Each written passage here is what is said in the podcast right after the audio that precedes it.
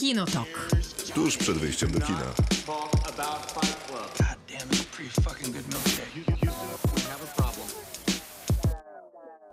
Dobry wieczór. Kinotok czas zacząć. Krzysztof Majewski. Maciej Stasierski, dobry wieczór. Miłki jeszcze chwilowo z nami nie ma, ale za tydzień powinna już z nami być. E, Pani nazywa się Miłosława Bożek. Jest tą... Jest to Miłosława właśnie, pozdrawiamy ją. Tak jest. Pozdrawiamy i czekamy na powrót. A tymczasem będziemy radzić sobie z szeregiem premier, które zawitały i na platformy streamingowe, i do kin. I Absurdalnie jest ich dużo. strasznie dużo. I nawet chyba wszystkich nie robimy, które powinniśmy, mam wrażenie. Tak, ale zrobiliśmy to sprytnie, bo tydzień temu nie było programu, bo był Dzień Święty, więc nas nie było i część premier Ładnie to określiłeś. dzięki temu nam przepadła. Tak jest, jesteśmy zwycięzcami, ale zamiast, zamiast, Kreatywna księgowość, zamiast rozumiesz? pozostać zwycięzcami, to powracamy do tych premier z zeszłego tygodnia. W dodatku nie do wszystkich i chyba nie najlepszych. No mniejsza, zaczniemy od w robocie. W robocie to jak zawsze pojawiający się na naszym e, Facebooku cykl pojawia się w piątki. Tam pytamy o filmy lub seriale związane z jakimś przewodnim tematem. Tym razem pytaliśmy o najlepsze biopiki, czyli filmy biograficzne, e, a to dlatego, że dzisiaj będziemy zajmować się... Znowu sobie strzeliśmy tak w kolano. Nie, znowu- nie, nie, bo tych biopików jest dużo. Znaczy, to prawda, że jest dużo, ale, w, ale wciąż strzeliliśmy sobie w kolano.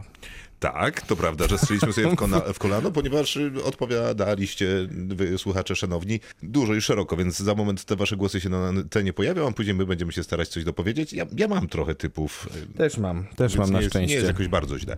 No a później y, powód, dla którego w robocie miało taki, a nie inny temat, czyli Spencer z Kristen Stewart w roli głównej, reżyseruje Pablo Lorraine, a sam film opowiada o każdej D- Dianie. Oczywiście.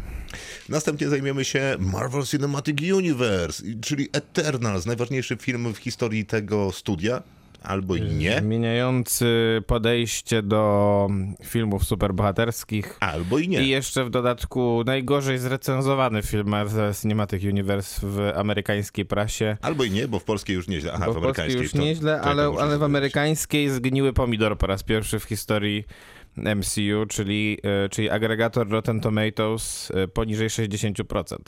Tak, twój ulubiony. Ja Właśnie, niezmiennie mu nie ufamy, no ale to mniejsza z tym. O Eternals porozmawiamy chwilę później, e, a następnie będą już recenzje indywidualne. Ja opowiadam o Armii Złodziei i to nie jest film... W... Nie jest film to znaka Snydera. Nie jest, natomiast jest ze świata Zaka Snydera. To jest skomplikowana historia, ale postaram się ją wytłumaczyć. Myślę, że zrobimy coś na zmianę, więc ty później opowiesz o zwycięzcy Festiwalu Polskich Filmów Fabularnych. To, będzie, to będą wszystkie nasze strachy Łukasza Rondudy. Rzeczywiście złote lwy gdańskie w tym roku powędrowały w jego ręce i w ręce Łukasza Guta, który jest drugim reżyserem, a jednocześnie operatorem tego filmu. Opowiem, czy rzeczywiście to był dobry werdykt. A później będzie The Harder They Fall, zemsta rewolwerowców, rewolwerowca w zasadzie e, dostępna też na Netflixie, zresztą tak samo jak Armia Złodziei. To jest ciekawy film. E, Ja w ogóle myślałem, że on ma jakoś później premierę, ale już jest. To western, e, ale o tyle ciekawy, że w rolach głównych i w zasadzie we wszystkich prawie rolach sami Afroamerykanie. Tak, a na koniec ja przypomnę film, który miał premierę w zeszłym tygodniu. Last Night in Soho, czyli najnowszy film Ostatniej Nocy w Soho, najnowszy film Edgara Wrighta, czyli reżysera między innymi Baby Drivera. Tak właśnie wygląda plan na ten program. W ogóle przez ostatnie dwa tygodnie było jakoś strasznie dużo takich e, obwieszczeń, zapowiedzi filmowych, jakichś wielkich zmian, no, ale nie mam czasu się nimi zajmować, więc. Oczywiście.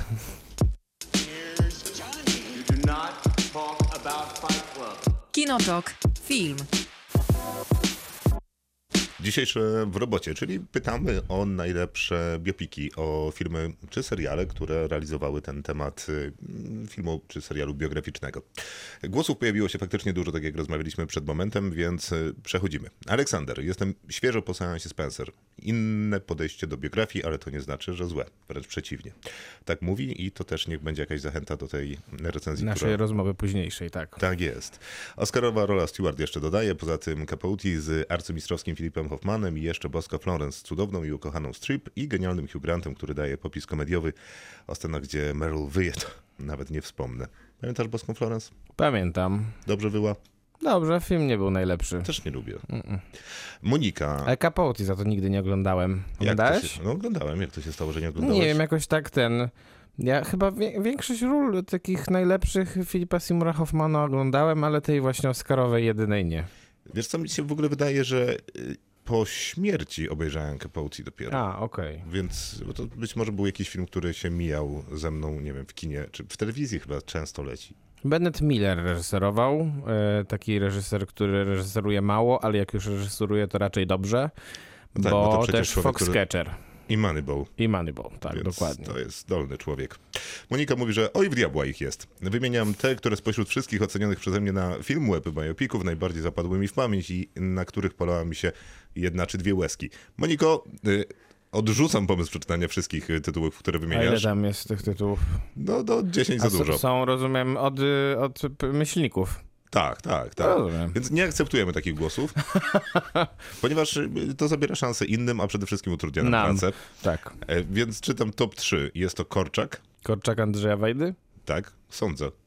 Raczej innego nie było, więc mocny głos. Wielki Mike, Nigdy nie widziałem. Wielki Mike Blindside. tak. No to jest Który to taki jest bajok- film? Który to jest film? No. To jest ten film, za który Sandra Bullock dostała Oscara. A to...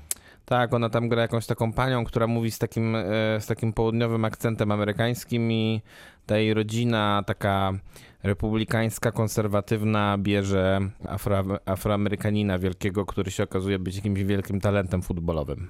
Mhm. Nie widziałem tego. Nie widziałeś? Nie. Takie bardzo konwencjonalne amerykańskie kino. No i jeszcze Monika wskazuje film Joy, którego też nie widziałem.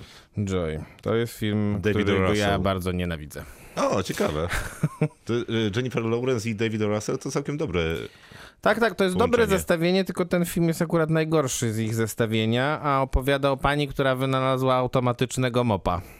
Widziałem ten film. To, Mm, to, to on miał... Y, czekaj, to ona była nominowana do Oscara za... była, tak. To nie było takie złe. To nie było dobre też za bardzo. Ja byłem na tym w kinie nawet i nie bawiłem się źle.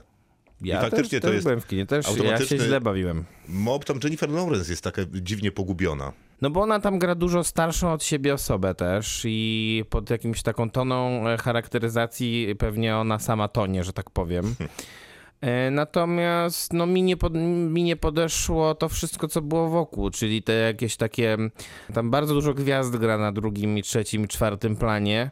I te gwiazdy w ogóle się tam nie sprawdzają, szczególnie jakiś Robert De Niro. Właśnie Robert De Niro gra, nie? Tak, nie, no on tam bardzo jest słaby. Wojtek, jeden z ostatnich, jakie widziałem i naprawdę dobry, to Jestem najlepsza Jatonia. No i to jest naprawdę świetny głos, bo to jest 100% prawdy.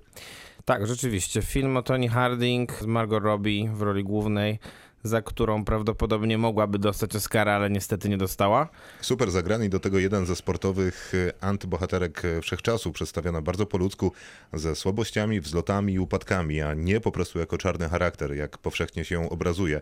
Dobrze się to ogląda i do tego bardzo fajne są tam kostiumy i cała scenografia. Miałem cały czas a wrażenie, że w tym filmie wszystko jest brudne, postrzępione lub stare i sam obraz oddawał widzowi w kilku ujęciach to, skąd się wywodzi tytułowa Tonia. A stara to była tylko w sumie jej matka z tym takim krukiem, czy tam gołębiem, czy z czymś tam na, na tym, na, na ramieniu. No Ja odpowiadałem Wojtkowi, że dla mnie najbardziej takie piorunujące było to, jak dobrze film oddawał faktyczny wygląd tych postaci, ponieważ w napisach pokazywał nagrania archiwalne tej rodziny Toni, faktycznie takiej mocno ekscentrycznej. No tak, tak właściwie tylko, właściwie tylko Margot Robbie jest trudno szpecić te mocno, A nawet Bo się udaje. ale się udaje nawet i je, ją, nie? A Bo ona to, poza tym świetnie wchodzi w tę Tak, tak. rolę też na takim poziomie sportowym. bo Ona Część rzeczy- łyżwiarkę figurową, łyżwiarkę fig- pierwszą w historii łyżwiarkę figurową, która skoczyła potrójny aksel. czyli taki piruet w powietrzu. Nie, nie, piruet tylko skok. No ale z piruetem. Ale skok to jest nie piruet. Piruet to jest na, na lodzie, a skok jest w powietrzu. Przepraszam, y, kiedy stałeś się specjalistą od jazdy figurowej na lodzie? Nigdy nie ukrywałem, że się znam akurat na tym. Nigdy nie ukrywałeś? Aha, czyli po prostu się znasz. Tak, właśnie. Znasz się na, Potwierdzam. na jeździe figurowej na lodzie. Tak, odróżniam skoki. To kawałek czasu się znamy, to nie jest jakaś wiesz, informacja, która jest... Naprawdę odróżniam te skoki. Okej, no to dobrze, to, Bo to Axel jest najtrudniejszym skokiem. Wytłumaczę ci. Axel jest najtrudniejszym skokiem, bo wszystkie te skoki skacze się tyłem i się odbija człowiek tyłem. I przez, to, I przez to nie skacze dodatkowego obrotu. Natomiast Axel jako jedyny skacze się przodem i dokręca się pół, jest jeszcze dodatkowe pół obrotu, czyli nawet jak się skacze potrójny skok, to się skacze 3,5 obrotu w powietrzu. A przy skoku potrójnym każdym innym, a jest ich jeszcze pięć, skacze się tyłem i się skacze po prostu potrójny skok. Jasne, czyli dodatkowe pół obrotu Dokładnie. w piruecie w powietrzu. W wyskoku. Tak. Ej, Nie mam pojęcia, czy to, co powiedział Maciej, jest prawdą. Jeżeli Jest, ktoś się jest. zna na łyżwiarstwie figurowym, najlepiej gdyby był łyżwiarzem lub łyżwiarką figurowym, błagam o informację, czy Maciek ma rację, czy nie. Co nie zmienia faktu, że film Jatonia jest filmem wspaniałym. Jest wspaniałym filmem, tak. Powinien być też nominowany do Oscara w kategorii najlepszy film roku, ale nie był. Bardzo podobała mi się Frida, tak pisze Katarzyna z Salmą Hayek, za temperament, kolory, siłę, kobiecość. No i sama pani Hayek jest cudowna. Wzruszył mnie również spacer po linie. Joaquin Phoenix wspaniale pokazuje smutek i samotność Johnego Casha, ale też wielki hart, ducha i talent. Wspominamy już tu cudowny film Drogi Wszystko za życie, to wrzucę anegdotę od mojej przyjaciółki, która żyje na Alasce. Autobus został usunięty z parku Denali, bo bardzo dużo ludzi zaczęło do niego podróżować po tym e, filmie, a ponoć to bardzo niebezpieczne miejsce było. A tak w ogóle to jest cała masa świetnych filmów biograficznych, a jeszcze dorzucę Toma Hanksa, którego kocham miłością całkowitą i dwa e, filmy jego, Sally i Kapitan Phillips. Niezłomność charakterów, wytrwałość, kto nie chciałby uratować całego samolotu pasażerów. No ba! Katarzyno, bardzo dziękujemy, zwłaszcza za Bardzo anegdotę o dobry Alasce. głos. Bardzo dobry głos, No rzeczywiście. Ile razy miałeś anegdotę z Alaski? No nigdy. A zrobiłeś prawie, nie, zrobiłeś już 100 programów. No widzisz? Ale wszystko za życie to, e, żeby. Film Shona Penna. Że nie, nie wszyscy pewnie znają ten film z polskiego tytułu, więc to jest Into the Wild. To, I to jest tytuł, który chyba bardziej jednak e, uznawany przez, przez uczestników, słuchaczy i w ogóle ludzi, kinomanów, tak myślę. Z Kristen Stewart zresztą, o której dzisiaj będziemy Między dużo innymi, rozmawiać. dokładnie tak. W mikroroli, no ale jednak. Tylko mówi, który mam wrażenie, że promuje się na plecach naszego podcastu i nie, To bardzo jest ten. nieeleganckie, nie? Nie, zupełnie, zupełnie. Też mi się tak wydaje. Można byłoby się podpisać jednak swoim nazwiskiem. Mi się wydaje, że on to kiedyś zrobił, tylko ja nie pamiętam. A widzisz. Ale no, zachęcam. Ale teraz go oskarżasz już, no. Nie, nie, nie oskarżam, po prostu zachęcam do występowania pod y, y, imieniem i nazwiskiem regularnie. Zresztą oczywiście każdy może być tym, kim chce w- internecie, ale nie na tej antenie. Pierwszy człowiek Shazera, Wilk z Wall Street, y, Martiego chyba u mnie wyżej niż Chłopcy z Ferajny. W ogóle Scorsese solidnie te biopiki robi. Uff. Mam jeszcze bardzo dobre wspomnienia z Pięknym Umysłem. Co tam sapiesz? No nie wiem, czy można jednak powiedzieć, że chłopcy z Fejrajny są gorsi niż Wil- Wilk z Wall Street. Nie, no to To są jest mocne takie słowa. ryzykowne stwierdzenie. Co najmniej ryzykowne. Myślę, że chłopcy z Ferajny Są trudni są... do pobicia. Tak, no. Również no dosłownie. tak, tak, tak, raczej tak. W sensie, to jest chyba jeden z najlepszych filmów, jakie w ogóle widziałem. A Wilk z Wall Street to nie, nawet nie jest najlepszy film Martina Scorsese, jaki widziałem. No więc odważna teza. Tak, ale dobrze. Ale nietrafna. Dominika, mam sentyment do Fridy, Julie Taymor, bo miałem 14 lat, jak widziałem ten film w kinie i do dziś wizualnie i muzycznie robi na mnie wrażenie. Bardzo lubię też Dziewczynę z perłą, ale chyba każdy lubi ten film, więc nie wykazałam się oryginalnością. Dziewczynę z perłą z, ze Scarlett Johansson? Tak sądzę. O, to... Ty nie lubisz. Ja nie lubię tego filmu bardzo. Ja chyba nie mam aż tak wyraźnego stosunku do niego, ale nie, mogę powiedzieć, żebym go lubił. Że tego- mówię tak, o, tego, piątek pa- wieczorem tego, obejrzę sobie Dziewczynę z perłą. to on tam ma ładną muzykę i takie Ta, I te rzeczy. obrazy ładne Ale nic, i koniec. takie nudy straszne chyba. Straszne flaki z olejem. no właśnie, tak mi się też wydawało, że nudy. Super bawiłem się też na wyścigu, chociaż w ogóle nie kumam Formuły 1, więc to chyba świadczy o tym, jak dobrze zrobiony i przy, przystępny jest ten film. Najlepszy Amadeusz Formana, bez zbędnego komentarza. Pozdrawiam. No, Amadeusz jest, y, no właśnie też się A, zastanawiałem. jeszcze Wściekły Byk, dodaje Dominika. Tylko czy Amadeusz jest biopikiem?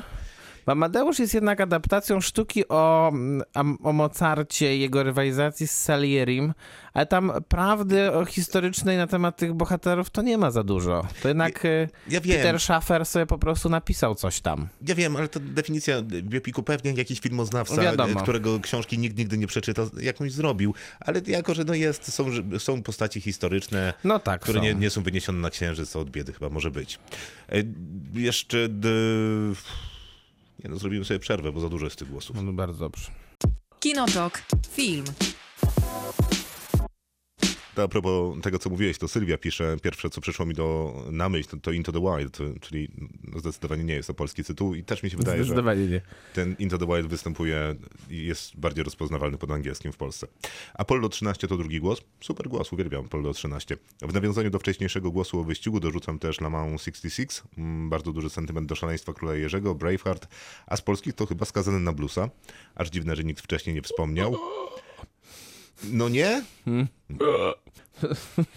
Tomasz Kot y, grał w jednym biopiku dobrym. I nie jest to skazany na blues. Ale ktoś wspominał tutaj e, Bogów, tak. bogów, tylko nie wiem, czy dotarliśmy do tego głosu, bo jest ich, e, wspominałem dużo. I nie możemy się wystrzelać ze wszystkich naszych No też. nie, to, nie, no, to s- staramy się być uczciwi. Brawo. Gra tajemnic i pięknym y, pom, y, umysł dorzuca Marek i bogowie za rolę Tomasza Kota. Dziękuję. Brawo. Bardzo dobrze. E, Warto wspomnieć o dwóch, w mojej opinii, najciekawszych biografiach ostatnich lat z naszego rodzimego podwórka, pisze Aleksander, w filmach Bogowie oraz Ostatnia Rodzina. Brawo! W przypadku pierwszego z nich mamy do czynienia z historią większą niż życie, skonstruowaną w iście hollywoodzkim stylu. Trudno się nie zgodzić. Z drugiej strony losy rodziny Beksińskich zrealizowane zostały w sposób nieporównywalnie bardziej kameralny, który pozwolił nam, widzom, bardziej utożsamić się z bohaterami historii. Wspólnym mianownikiem e, wyróżniającym oba te obrazy jest genialny pierwszy plan, zasługujący na wszystkie filmowe nagrody świata. Pierwszy plan w ostatniej rodzinie składa się aż z trzech osób. To prawda. W sensie z rodziny. Tak, Osta- dokładnie. Ostatniej. Tak, Ale dokładnie. też pierwszej i, i każdej polskiej rodziny, bo chyba takie było założenie Jana P. Matuszyńskiego w tym głośnym i świetnym skądinąd W filmie. znakomitym, jednym z najlepszych filmów. Myślę, że Ja nie wiem, czy nie wybraliśmy go najlepszym chyba polskim filmem dekady. najlepszym po, nie wiem, czy nawet nie po 89 roku nawet. To ty zrobiłeś w innym rankingu. A, okej, dobrze. przepraszam. Ma Martyna, myślicie sobie co chcecie, ale Rocketmana mogłabym oglądać w kółko. Aktorstwo, aranżację piosenek, sam pomysł na przedstawienie biografii Eltona Johna. Aż się uśmiecham, jak myślę o tym filmie. Ty lubisz. Ja lu- A ty nie? Lubię, ale, ale, ale chyba nie, nie aż tak jak Martyna. No, ale to jest y, biografia bardzo taka... No, biografia, ale nie biografia. Biografia, ale nie biografia trochę. No, jest to- bardziej musical. Ale to, że to jest musicalowe, to jest akurat y, spora zasługa y, tego filmu, spory dobrze plus, klejąca się tak, z tak. Eltonem Johnem i tym jego scenicznym wizerunkiem. Ja ten film lubię dlatego, że lubię muzykę Eltona Johna w zasadzie. A jest jej tam Ja, dużo. ja co więcej, y, miałem takie dziwne momenty podczas tego filmu, że mm, odkrywałem, że te piosenki, które, które słyszę, to są Eltona Johna. Bo nie zawsze byłem tego pewien. To O. było dziwne dla mnie Przecież tam doświadczenie. są same największe hity. No zgadza się, ale ja nie wszystkie chyba dobrze jakby dopasowywałem do Eltona Johna. To był, no to nie, to znaczy, że to pokazuje, że nie jestem jakimś wielkim fanem Eltona Johna być może. Być może, Y, znaczy dużo- nawet na pewno. Dużo łatwiej byłoby mi, do, dużo łatwiej mi się dopasowywało te piosenki y, w filmie o Queen, który był zresztą o Fatalny. sześć razy gorszy. Ale przeczytałem dzisiaj, że jest ten najlepiej, że był to film, który Mhm. był biopiciem, który zarobił najlepiej w historii biopików. No i dostał cztery Oscary, Jest dalej złym w tym filmem. za montaż, montaż dźwięku, dźwięk i prawie dostał Oscara za najlepszy film i naprawdę nie było daleko. Martyna mówi, że ma też dodatkowy postulat. Proszę, żeby Krzysztof nie wypowiadał się w temacie Harry'ego Pottera, gdy nie jest pewny fabularnych niuansów. Molly Weasley nie była zwykłą kurą domową, tylko pełnoprawną czarownicą, członkinią zakonu Feniksa. Poza tym w świecie Rowling na moc za- zaklęcia duży wpływ mają emocje i intencje. To, że Molly, powodowana niepowstrzymanym pierwotnym lękiem o życie swojej córki, była w stanie zmierzyć się z Bellatrix, ma mm, nie wątpię w ogóle. Okej, Martyno, dzięki. Mam wrażenie, że mogę nie zamilknąć. Mam też wrażenie, że tego, o czym piszesz, nie ma ani w filmie, ani w książce, więc skąd miałbym to wiedzieć? Nie, nie, a w książce akurat może być. Nie sądzę, ja czytałem tę książkę. W filmie rzeczywiście nie ma, bo w filmie ta scena jest po prostu tak wstawiona, bo, bo była w książce na kartkach, więc Znaczy, nie, trzeba no, było ją wstawić. Pewnie, pewnie była członkinią zakonu Feniksa. Nie, Zresztą, nie, członkinią zakonu Feniksa była na pewno, bo cała rodzina Weasley była członkami zakonu Feniksa. Czekaj, ja cię bardzo proszę, jeżeli nie jesteś pewny fabularnych wątków tej książki czy filmu, Ja jestem pewny raczej. tak? A wszyscy byli? E, no tak, no część to tam nawet rządziła w, e, Nie, mocno. dobra, czemu my co tydzień rozmawiamy o Harrym Potterze? Nie Zwłaszcza, wiem. że dyskusja... Szczególnie że, szczególnie, że ponoć to ty jesteś jego jakimś wielkim ekspertem, co jest w ogóle absurdalne. Ja nie wiem, nasi słuchacze chyba zupełnie nie rozumieją, o czym my rozmawiamy czasem. Być może, zostałem po prostu wsadzony w nie te buty. Zresztą dyskusja na Facebooku jest i e, tam dziewczyny sobie wyjaśniły, panie wyjaśniły sobie już, e, gdzie się myliłem. I generalnie... Ale mam wrażenie, że e, trzeba doczytać dużo, dużo tak jakby Jesteś nieukiem i w ogóle nic nie wiesz. Tak ustaw, zostawmy, tak? No i kropka. No, No i brawo. to mamy załatwione i jedziemy dalej. W zasadzie to myślę, że tyle tych e, To możesz wystarczy. zacząć teraz ty. Wszystkie biopiki są na naszym Facebooku, więc zapraszamy tam. Ja zaglądam i e, z, z pewną obawą chciałem zacząć od Into the Wild. Było wymienione cztery razy. to, To nie pozwalam ci. Ale mam drugi, podobny film w pewnych tonach. Jest Mhm. to 127 godzin danego Boyla. A, to jest o tym facecie, co odciął, odciął rękę. Macie, to jest najgorszy spoiler, jaki można było e, wrzucić do tego filmu. Wszyscy- jest wszyscy- tylko jeden, jest tylko jeden spoiler. wiedzą. Jest tylko jeden spoiler, jest jed, tylko jeden sposób, jaki można zaspoilerować ten film. To było to przed momentem. Wszyscy wiedzą, że sobie odciął rękę. Naprawdę wszyscy wiedzą. Dokładnie, wszyscy, którzy obejrzeli ten film. Wszyscy wiedzą, wszyscy, nawet ktoś, jak ktoś nie oglądał, to wszyscy wiedzą. Maciek, no nie wszyscy... Tera, teraz już wszyscy wiedzą. Pozdrawiam wszystkich. Okej, to jest ten film o gościu, który uciął sobie rękę. E, to był Aaron Ralston, grany przez Jamesa Franco w filmie Danego Boyla. Mnie ten film... no, Udany film. Bardzo udany. W sensie jest, jest trochę tych filmów, które opowiadają e, się z takiej perspektywy, że ktoś jest zamknięty w czymś, jest sam na ekranie i ewentualnie poruszamy się trochę w retrospektywach, kiedy on sobie przypomina życie.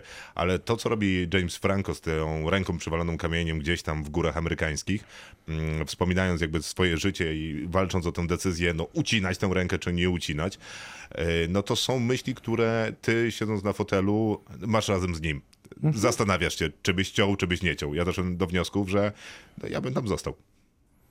I być wysechł tam. I wysechł, no.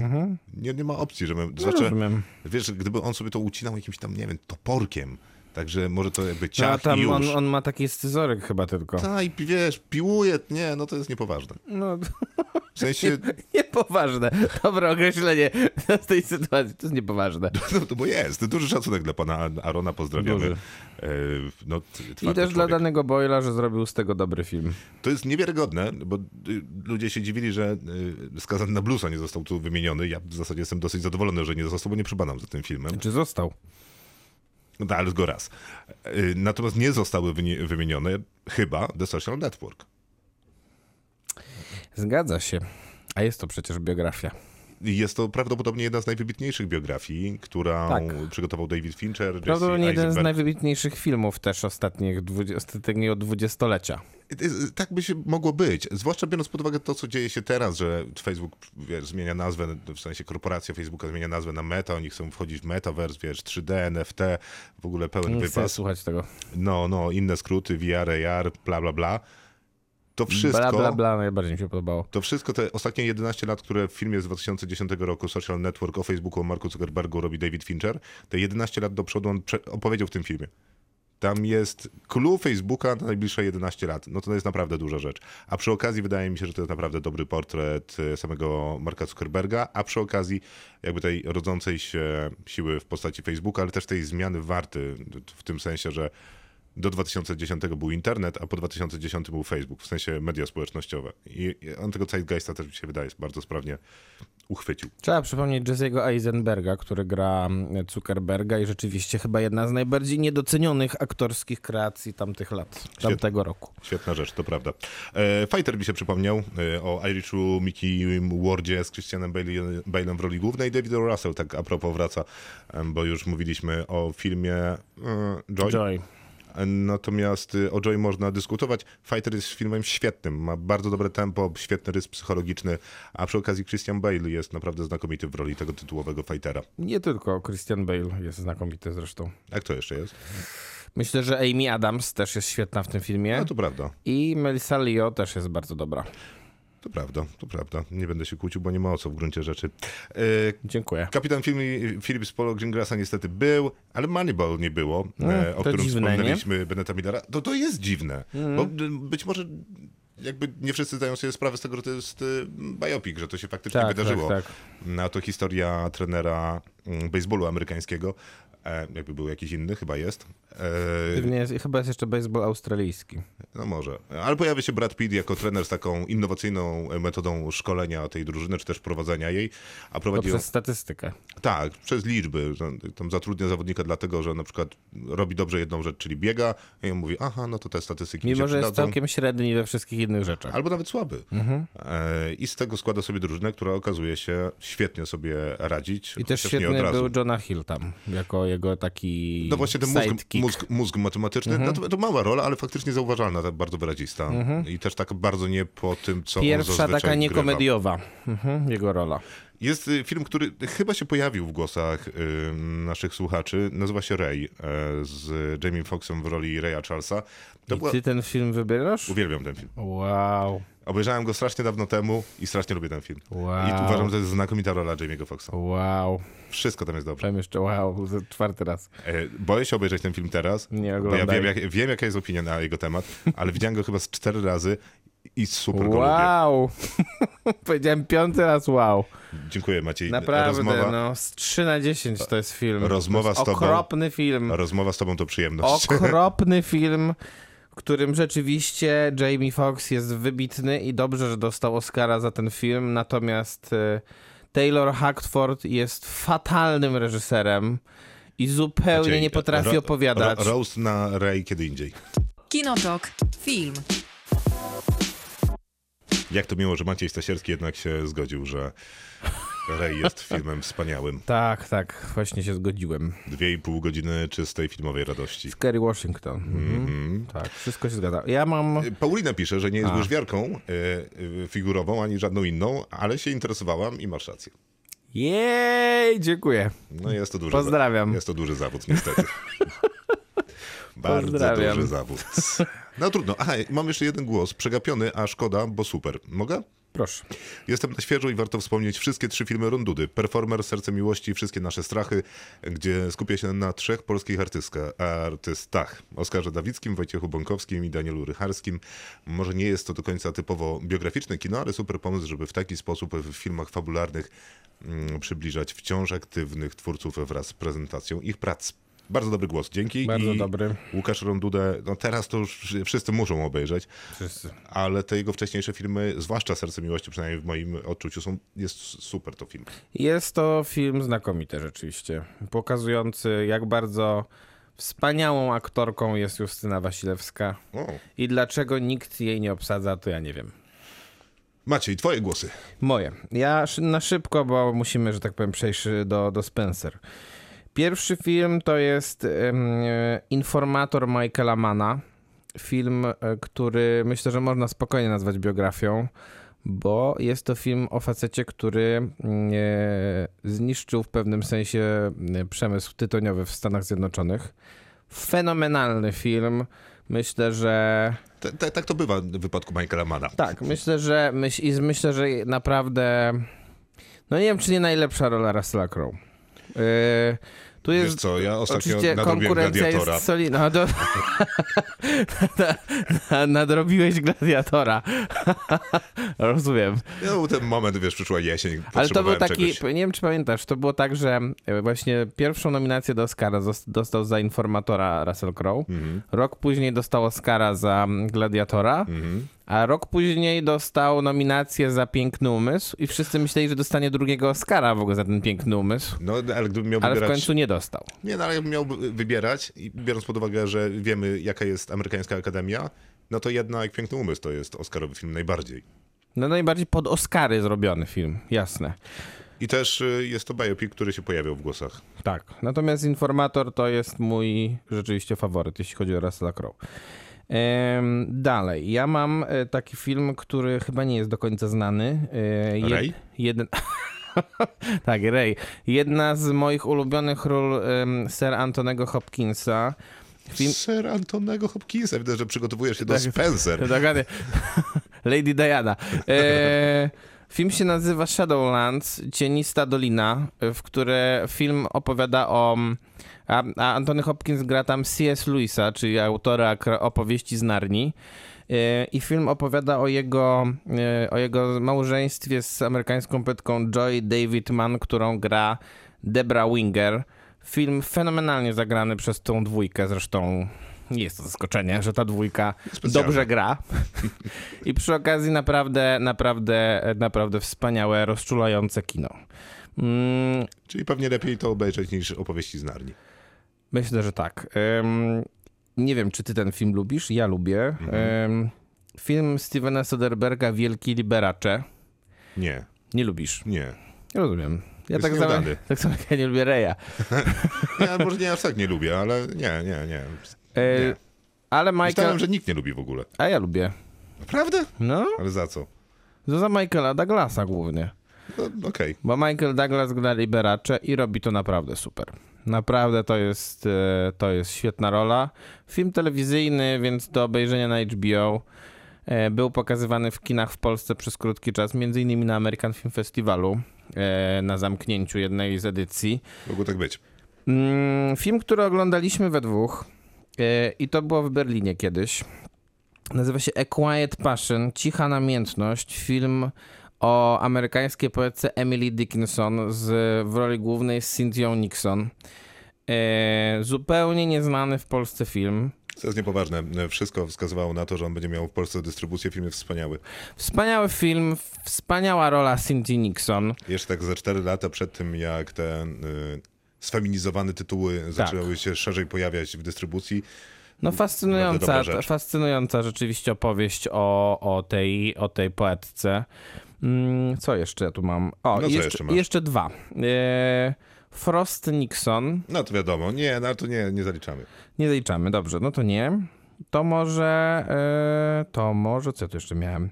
A. Frost Nixon to może dwa. Podwójna biografia, Tak jest, dokładnie, więc... Nixon. No i, e, no i chyba powinno, nie wiem, czy, nie wiem, czy ktoś pisał o tym, Ale, ale, w kontekście Spencer to powinna wybrzmieć jednak ta Jackie.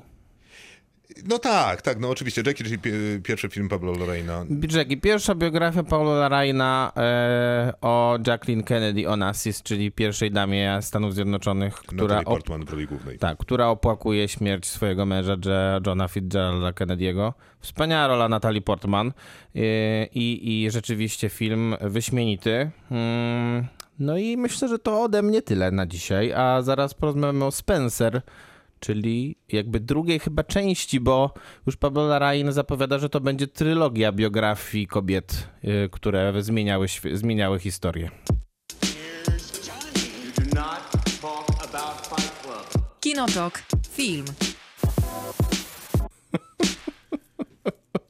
Tej piosenki nie będzie w podcaście, więc ludzie nie będą wiedzieli, dlaczego się śmiejesz. No trudno. To był Ray Charles, Georgia Był on My on nim.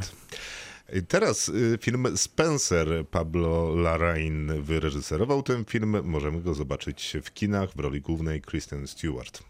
Tak, i jest to e, zapowiadane jako biografia Diany Spencer, czyli księżnej Walii swego czasu, e, żony następcy tronu księcia Karola. Natomiast film generalnie opowiada o trzech dniach z jej życia, których to... Jeżeli dobrze rozumiem, jest to Wigilia, Wigilii, Wigilii, Wigilia, Wigilii i Wigilia.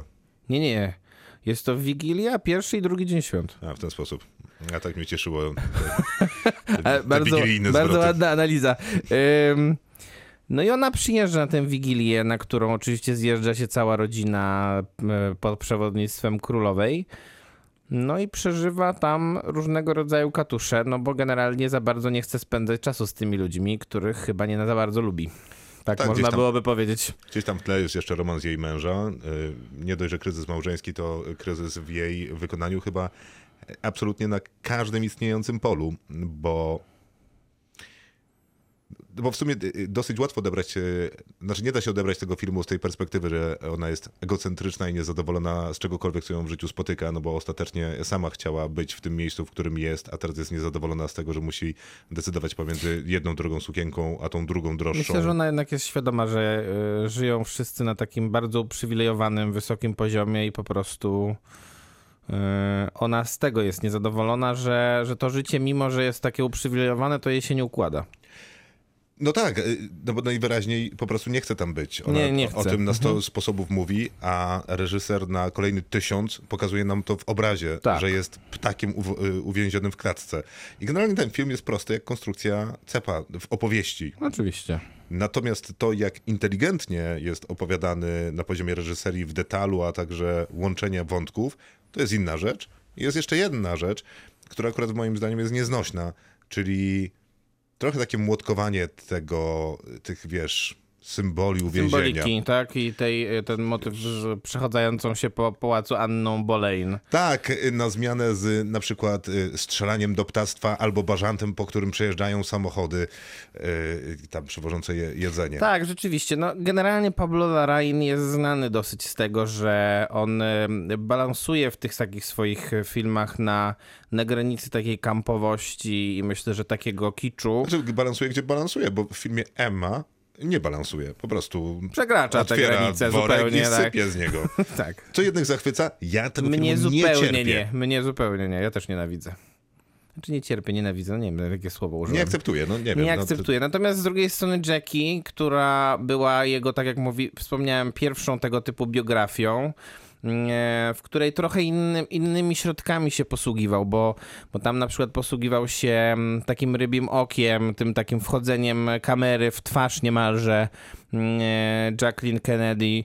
Tutaj tego nie ma, tutaj jest dużo więcej jakby innych planów zupełnie. Ale jest inna zabawa kamerą. Tam było Tak. faktycznie to rybie oko, tutaj jest y, rozmyta ta kamera momentami. Taka nie, kamera VHS-owa niemalże. Nieostrząca, ziarno, trochę jakbyśmy oglądali jakby Tak. taką, wiesz, tego wujka, który stwierdził, że będzie robił kronikę będzie wideo kronikę. rodziny. Tak, dokładnie, tak to wygląda.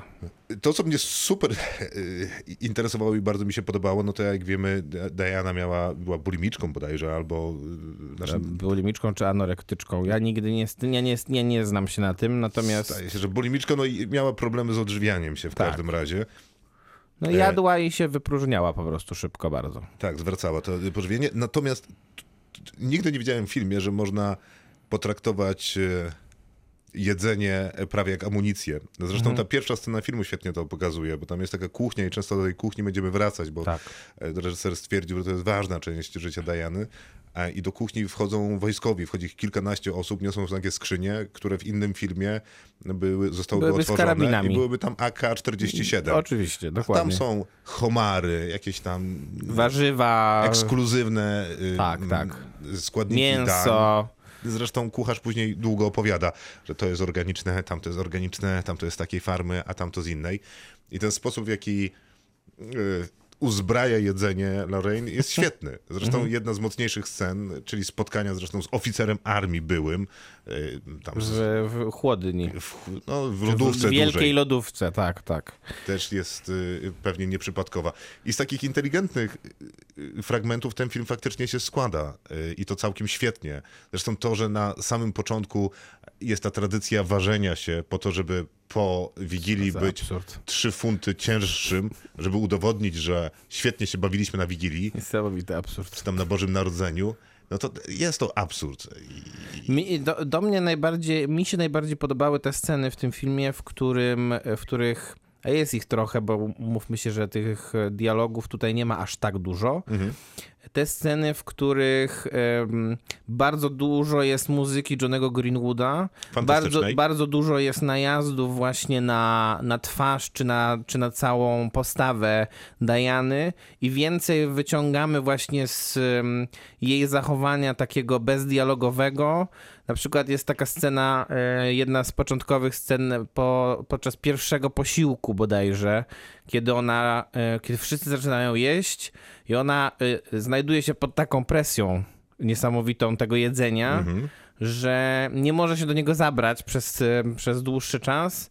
I dostajemy taką scenę, która jest oczywiście na, na, na, na, na granicy metafizyki, bo nagle zaczyna jeść swoje perły, co, co się nie wydarza oczywiście. Ja rozumiem, tylko że ja w ogóle mam wrażenie, że Lorraine wymyślił sobie, że ten film nie będzie opowiadał, że to nie jest kamera, która stoi z boku i pokazuje trzy dni z życia Diany, Nie. tylko pokazuje trzy dni z perspektywy Diany, że ona tak się czuła przy tym stole, Mhm. że faktycznie wszyscy jakby patrzyli, czy podniesie łyżkę dwa razy, czy trzy, czy zje cztery łyżki, czy pięć. Dlatego Ale to zestawia jest ze- motyw- zestawia to ze sceną wcześniej w kuchni, w której Tak. y, kucharz po tym jak wygłasza wszystkie francuskie nazwy dań, mówi, że jedynym naszym celem jest to, żeby księżna Diana zjadła coś i jej smakowało. Ale to obserwacja Diany się łączy też z motywem, który też się mocno przewija w tym filmie, czyli takim informowaniem jej o tym, że wszędzie są ci paparazzi, wszędzie są te wszędzie, wszędzie są ci fotoreporterzy, którzy mają te e, niesamowite aparaty, które są w stanie wyłapać wszystko i dlatego te kotary w tych, w tych oknach są zasuwane i ona też walczy o to, żeby te okna były otwarte i żeby można, żeby mogła przez nie wyglądać, a, a cała rodzina chce ją ukrywać. To jest taki film rzeczywiście, to znaczy... O opresji Tak. jednoznacznej. Bo oni w zasadzie Zewsząd. kontrolują każdy... No bo film ma w zasadzie taką tonację chillera, thrillera, y, takiego na chłodno, na zimno, Tak. który, w którym ona jest zdecydowanie... W tej perspektywie jest więźniem po prostu tej No jest rodziny. ofiarą, tak, tak. Jest ofiarą tej sytuacji, w którą, e, w którą weszła pewnie, pewnie świadomie, natomiast nie, nie uświadomiła chyba sobie, jak bardzo jednak ta sytuacja będzie toksyczna, jak ta sytuacja będzie, ją, będzie jej jednak doskwierała i jak bardzo ona nie jest na nią przygotowana. Fantastyczna Kristen Stewart. Fenomenalna rola, Świetnie naprawdę. wygląda w kamerze, wszystkie te zbliżenia, a ich jest dużo, kiedy ona wiesz, w oku zamyka cały ekran, to jest bardzo dobre. Myślę, że bardzo dobrze też robi kupę roboty fizycznie, całe tam ciało jej pracuje, też mnóstwo emocji z tego można czytać. Też świetna robota z akcentem, Kristen Stewart jest Amerykanką, a No jednak tutaj ten... naprawdę wyczuć może, no, no, no w ogóle nie czuć, że jest Amerykanką. Także myślę, że super. Ja nie do końca lubię takie role, kiedy ktoś gra w biopiku, bo mam wrażenie, że Kristen Stewart się trochę chowa pod postacią Diany, a lubię jednak interpretację roli e, bardziej niż wchodzenie w czyjeś buty. Mhm, A mam wrażenie, że to było trochę wchodzenie w buty, bo taką Dianę już na ekranie widziałem, natomiast no, robota aktorska tak czy inaczej jest No świetna. tak, ale jak ją porównać chociażby z Emmą Corrin jest- z The Crown, Aha, okej. yy, no to myślę, że myślę, że nie ma o czym dyskutować. Nie, nie, w sensie, no absolutnie. Kristen Stewart zjada ją po prostu na śniadanie. Tak, to myślę, że jednym spojrzeniem Tak, kamerę tak, dokładnie. zjada jej całą rolę. E, będziemy oceniać. Tak, ja wystawiam 8 na 10. Ja wystawiam 7 na 10, a Spencer do obejrzenia w kinach. Kinotok. Film. Eternals. Tak. Eternals. Najnowszy film Marvel Cinematic Universe trafił do kin. Czwarta faza? Czwarta? Czwarta faza. To Tak. jest skomplikowana historia, bo trzecia faza teoretycznie skończyła się drugimi Avengersami, czyli Avengers Endgame, ale to nieprawda, bo, Bo się tak- skończyła Spider-Manem. bo się skończyła Spider-Manem, a jeszcze z tej trzeciej fazy dostaliśmy później Black Widow, która była opóźniona, a przecież też do niej należała, więc w zasadzie z czwartej fazy to jak na razie dostaliśmy Shang-Chi i Legendę Dziesięciu Pierścieni I teraz Eternals. i koniec, tyle. Dwa filmy. Moim zdaniem oba nieudane. Ja lubię Shang-Chi. Ciekawe za co. A to odsyłam do naszej recenzji z Majłką, która... Poczekaj, odsyłasz mnie do swojego własnego podcastu? Tak, odsyłam cię do mojego, do własnego no, słuchałem podcastu. tego odcinka akurat. Nie słuchałeś? Słuchałem. A widzisz. No to, nie no to, zgadzam się no zaocznie. to, Ale wiesz, jakie są argumenty, Z który wiem, że z mogę którymi się... się nie zgadzasz oczywiście. Dokładnie tak jest. Natomiast Eternals. jest szansa, że się tutaj zgodzimy. I to duża, w reżyserii Chloe Zhao. Przypominam, że to reżyserka, która dopiero co otrzymała Oscara za film Nomadland. I Dopiero teraz co... nie otrzyma. Bo w lutym. Ale będąc uczciwym, to Chloe Zhao do tego projektu została zatrudniona jeszcze zanim otrzymała e, statuetki za e, Nomadland, Mm, więc wchodziła do projektu jako reżyserka niezależnego kina, Kina- amerykańskiego. Tak, szczególnie filmu Jeździec. Często pracująca, zresztą w wypadku obu tych filmów, czyli Jeździec i Nomadland, y, często i chętnie z naturszczykami, poruszająca problemy społeczne Stanów Zjednoczonych, a jednocześnie mm, niewątpliwie ma bardzo filmowe oko i świetną Bardzo. filmową wrażliwość, więc z reżyserką jest wszystko dobrze. Póki robiła swoje filmy, nie wiem, czy to był taki dobry pomysł, żeby zatrudniać ją do wielgachnego filmu za setki milionów. Szybko, w czym rzecz? Bardzo Eternals to przedwieczni, którzy przybyli na Ziemię 7 tysięcy czy ileś tam lat temu, bardzo dawno, jeszcze przed y, rokiem zerowym, a przybyli na Ziemię po to, żeby mm, wyrównać porachunki z dewiantami. Mm, A dewianci to takie, jak mówi film, drapieżniki alfa, więc y, oni takie potwory z kosmosu. Y, I Eternalsi to dziesiątka ludzi z super zdolnościami. Jeden leczy, drugi strzela laserem i lata, jeszcze jeden potrafi coś tam wymyślić. Ktoś tam rękami robi, a trzeci, ktoś tam jest szybki, a ktoś tam... Wszystkie umiejętności superbohaterów Strzela w z ręki, dziesięcioosobowej coś tam. ekipie. Mhm. Dokładnie. I to jest taka konsekwencja wizualna mniej więcej tych y, ich mocy. No i oni mają wykończyć tych dewiantów, co do, robią dosyć szybko, bo w okolicach Babilonu dewiantów już nie ma e, i oni... Czyli przed, przed naszą erą. że Tak, i oni decydują się zająć się swoimi życiami, aż do roku tam mniej więcej współczesności. Dewianci okazują się jednak na ziemi być. Oni zajęci swoimi y, życiami, miłością, pracą i innymi takimi, y, będą musieli znowu połączyć siły, żeby rozwiązać problem dewiantów. No i następuje reunion. Tak jest. Rzecz jest większa niż planetarna, ponieważ tych Eternalsów na Ziemię zsyłają tak zwani Celestials, czyli takie wielkie istoty wielkości planety, które tworzą kolejne galaktyki, życia, dają i odbierają. Tyle. Tak. I dobrze że to powiedziałeś, bo ja nie do końca to zrozumiałem, ale dziękuję za, za to wyjaśnienie. Bardzo proszę.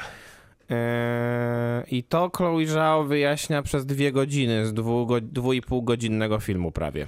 Jest taki dosyć absurdalny motyw, który zwrócił moją uwagę w tym filmie, że żeby wyjaśnić skąd wzięli się Eternalsi i na czym polega twist fabularny w tym filmie, który dostajemy faktycznie po dwóch godzinach, potrzebujemy istoty wielkości planety, która literalnie przez 10 minut Opowiada. tłumaczy nam o co, co obejrzeliśmy przez ostatnie dwie godziny i jeszcze co mamy przed sobą w ostatnich 30 minutach. Tak jest. I powiem tak, gdyby to nie byłby to jakiś taki straszny problem, gdyby, było, gdyby te dwie godziny, które, które, które już za nami były, zanim nastąpił ten twist z wyjaśnieniem, były interesujące, a nie są niestety, bo em, przez te dwie godziny, kiedy teoretycznie mamy poznać tych bohaterów, to oni głównie, tak jak pisałeś e, na naszym Facebooku, płaczą i się przytulają. Dotykają I- się do, do swoich dłoni też Tak, dużo. no i, no i y, a nie poznajemy ich za bardzo. W sensie e, wiemy mniej więcej, jakie mają umiejętności. Mm, e, Natomiast no te, te relacje między nimi są, są słabo zrobione. Y, I to jest z jednej strony, wydaje mi się, że wina scenariusza, który jest bardzo niedopracowany, a z drugiej strony niestety też aktorów, którzy mm, no nie najlepiej współpracują ze sobą na ekranie, bo co z tego, że e, nie wiem, ma się utalentowanych tych aktorów, czas, niektórych przynajmniej, i i jeszcze kazało im się przytyrać na siłowni, tak jak Kumailowi Nanjiani, Nie wiem po co, bo e, ale on nawet nie, nie pokazuje tego w tym filmie, to po co był na tej siłowni? Znaczy nie chodzi o to, żeby ściągnął koszulkę i świecił klatą do kamery, e, ale faktycznie jakby nie bardzo wiadomo po co on jest e, taki jakiś super No umieśniony, zupełnie, nie wiadomo. bo nie ma żadnych takich e, scen akcji, więc jakby też jest to e, zagadkowe. Znaczy moim największym problemem tego filmu jest to, że faktycznie trzeba zebrać 10 e, osób na ekranie. Zaczynamy z dwójką czy tam trójką i będziemy zbierać kolejne osoby, żeby, mm, e, żeby przedstawić nam ich, opowiedzieć jakieś backstory, historie, co oni robią na tym świecie, albo co robili przez ostatnie 7 tysięcy lat, kiedy nie ścigali dewiantów. I to mi strasznie się kojarzyło z filmem Armageddon, bo kiedy oni mają ruszyć na odwiert na meteor, który ma zniszczyć Ziemię, to tam bodajże Bruce Willis wsiada na motor i goni tam kolejne osoby po to, żeby zapakować ich na ten statek. Jednego łapie w barze, drugiego ściga razem z policją. Tam jest taka cała scena e, zbierania A- tego zespołu. Armageddon to chyba był jednak większy fan. To trwa trzy minuty, scena jest szybka, fajna, ciekawa. Każda postać zostaje zarysowana, wiem jaki ma rys charakterologiczny, możemy lecieć na ten e, meteoryt. Tutaj trwa to, naprawdę trwa półtorej godziny. I Jest, jest zbęd, zbędne. W sensie nic mnie nie obchodzą te historie, Nie. a co najgorsze, jedna z drugą się nie klei. No na przykład mm, cze- jedna historia opowiada o tym, że ktoś się tam za, za, zaakceptował to, że już nie jest tym superbohaterem, tylko żyje w tym świecie, no i jest tam gwiazdą Bollywoodu. No i ta, cała ta sekwencja zupełnie nie pasuje tonalnie do całej reszty Zupełnie. filmu. I to jest jakiś problem, bo wydaje mi I się, że... dostajemy każdą kolejną taką, bo Mhm. mamy, mamy tą, mamy następną, w której mm, jeden bohater, że tak powiem, trzyma pieczę nad drugą bohaterką, którą gra Angelina Jolie, e, która nie jest w stanie panować nad swoimi mocami, bo jest tam chora na coś tam, co Ma tam się jakoś nazywa. ma zbyt wiele wspomnień E, z tak. tych 7 tysięcy lat, to było ładne akurat. E, Potem mamy postać, która, która jest w stanie kontrolować ludzkie umysły, więc stworzyła niemalże sektę wokół siebie. Nie, nie wiem, czy nie ma, że... No, właściwie sektę stworzyła wokół siebie, tak, okej. I potem dostajemy z kolei tego wynalazcę, który macha rękami, który, który jest w homoseksualnym związku z, jeszcze z dzieckiem em, i on generalnie nienawidzi ludzkości, ale znowu ją polubił, jak poznał człowieka. I, e, i takie są mniej więcej losy tych ludzi. Tych ludzi, nie ludzi, no, tego, tych Jasne, Tych bohaterów. Tych Eternals, Eternalsów. Eternalsów, tak. Natomiast jest tak faktycznie, jak mówisz, tylko że ta historia tego wynalazcy Mhm.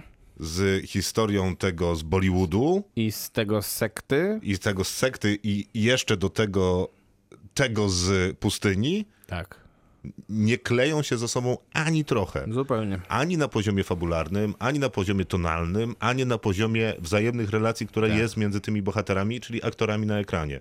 I to jest olbrzymi problem. Ani na efekt- poziomie też humoru, który teoretycznie można byłoby jak, jakoś tam zainspirować przynajmniej, a tutaj no jest troszkę też aktorów, którzy mogliby ten humor jakoś tam sprzedawać, tylko że tego humoru tutaj też nie ma, bo jest wszystko tak super poważne, że aż, że aż e, naprawdę ciężko się na to patrzy. Ciężko się na to patrzy, zwłaszcza, że dużo osób pisze, że to jest jakaś tam zasługa tego filmu, że jest poważny, że łamie tą e, formułę Marvela. To ja nie chcę tak łamać tej formuły, to ja już wolę, żeby było zabawnie. Moim zdaniem to jest y, film, który Paul Feige, szef Marvel Cinematic Universe, który wymyślił całą tę koncepcję tego, jak film Marvela powinien się opowiadać, dał wolną rękę Chloe Zhao i to był błąd. Bo ona nie ma zielonego pojęcia, jak zrobić ten film. Ona faktycznie chciała tam opowiedzieć więcej takich elementów ludzkich, czułych, relacji. Tak, jakby tak. widać tę intencję. No ale to jest zrobione bardzo źle. No wiele lepsza relacja jest w trzecim Iron Manie między to, Robertem Downeym Jr. a tym małym chłopcem. Tak, tak. E, Nie no, to jest zrobione głównie w dialogach, które są zresztą fatalnie napisane, więc e, jeżeli, jeżeli relacje są, jeżeli relacje i ekspozycja tych bohaterów jest stworzona poprzez to, że oni ze sobą rozmawiają w sposób nieznośny, godzinami. godzinami, a potem się przytulają, a w międzyczasie tak Godzinami. płaczą. I e, większość ludzi, pisz, większość recenzentów, którzy piszą o tym filmie pozytywnie, piszą, że on zmienia e, zupełnie mm, kino superbohaterskie Marvela, bo, bo są w nim sceny, e, e, jest w nim scena seksu pierwszy raz w historii Marvela. Jest w nim pierwszy raz rzeczywiście ujawniona postać e, homoseksualna. E, I jeżeli to ma być e, to, co ten film wyróżnia, no to troszkę nie ma na czym budować. No w sensie, ja nie wiem, my rozmawiamy o jakichś kompletnych dodatkach, nie? W sensie, Tak. okej, fajnie, że są w tym filmie, super, piątka, dzięki. No odhaczone. A mógłby być ten film dobry przy okazji? Na przykład, Bo no. w żaden sposób ta pierwsza scena seksu, ani w żaden sposób pierwszy ujawniona postać osoby homoseksualnej nie sprawia, że ten film jest dobry i nie sprawi, że Bo jest to- żadenkolwiek film będzie dobry. No bo On to ma zupełnie strukturalne, nie, podstawowe problemy. Jest to Tak. zupełnie nieinteresujące. Co więcej, e, no część z tych postaci, jak na przykład ten pan od sekty, to mam wrażenie, że jest zupełnie irytujące wręcz i w ogóle nie chce się nawet tego oglądać. Ma ten film plusy. Moim zdaniem jego dużym plusem jest to, że ta finałowa scena nie jest tym słynnym wyżykiem CGI, który Mhm. zalewa po prostu wszystko. Bardzo ładna jest ta, jest walka na końcu, szok. Wiadomo, musi Y, być. Musi być, ale walka jest na plaży i jest taka dosyć down to earth, jak to się mówi. E, Co jest, e, co jest zaskakujące w kontekście tego, że walczą z e, olbrzymimi kolosami z kosmosu. tak, ale naprawdę jest to fajnie zaaranżowane, ładnie wygląda. Efekty specjalne robią naprawdę wrażenie. E, Ten, ta wielka postać, która jest tam na końcu, też wydaje mi się taka dosyć interesująca i zapraszająca gdzieś dalej poza tę ziemię. To jest okej. I to w zasadzie Jest. jest, To tyle. Tyle. Będziemy oceniać. To tyle. 3 na 10. 4 na 10. Not talk about Fight Club. Kinotok. Film. Czas na kolejną recenzję. Maciej, to ty zaczynasz chyba, co? Nie, Jak to nie? Dlaczego ja? No, Zacznijmy od Armii Złodziei. od armii złodziei? No bo jest najstarsza. No dobra, to Armia Złodziei. To jest ciekawa historia z tą Armią Złodziei, bo mieliśmy Armię Umarłych, film Zacka Snydera, który opowiadał o apokalipsie zombie, która była taka dosyć lokalna, bo występowała głównie w Los Angeles, Recenzowaliśmy go też w jednym z podcastów, odsyłamy. Film nieudany raczej. który cierpiał na podobne problemy, co film Chloe Zha- Zha- Zhao, Eternals, ponieważ... Też dużo postaci I, i też słaba ekspozycja. y, tychże postaci, bo niewiele się dowiadujemy i niewiele chcemy się dowiedzieć o którejkolwiek z nich. Chociaż jedna była dosyć charakterystyczna i ta postać nazywa się Ludwig Dieter e, w filmie i on był kasiarzem, miał otworzyć safe. To był ten specjalista od otwierania safeów. No i to był taki chłopek roztropek, y, który prosto, wiesz, z Bawarii, e, taki Niemiec, Ale jednak geniusz. y, geniusz, y, ale taki być introwertyczny bardzo, bardzo taki skromny, bardzo zadbany, wszystko tam było w nim y, poukładane, no i tak niewątpliwy geniusz. No więc wyobraź sobie, że wymyślono taki koncept, że zostanie zrobiony spin-off tej właśnie postaci. I w przeszłości. I, tak, spin-off, który jest prequelem do y, wydarzeń w Los Angeles. Co więcej, chyba ten sam aktor, który gra w Armii Umarłych, tutaj gra i Matthias- jeszcze reżyseruje. Schweinhofer. No, Na pewno świetnie to powiedziałeś. Jeżeli ktoś ma bardzo dobry niemiecki akcent, bardzo prosimy o właściwe ja nie przeczy- mam, przeczytanie. więc- to, więc to będzie nie Matias. To będzie Matias pewnie. A nie, możliwe, że Matias jednak. Nie Matias, a tak, Matias. Mhm. Mhm. Schweighofer. No i co z nim, tym Matiasem? On, on reżyseruje i ma, główną rolę. Historia jest taka, że on sobie żyje w małym miasteczku gdzieś tam y, w Niemczech daleko e, i pracuje w banku. I się frustruje tą pracą w banku, a jednocześnie prowadzi YouTube'a, w którym opowiada o najciekawszych, najpiękniejszych i takich najbardziej skomplikowanych sejfach. No i opowiada o sejfach, które zostały stworzone, wiesz, e, z inspiracji pieśnią Nibelungów. I to był y, człowiek, który robił sejf... Ta, tak, tak jest. Więc jeden sejf nazywa się Walkiria, drugi właśnie Pierścień Nibelungów. Generalnie są cztery.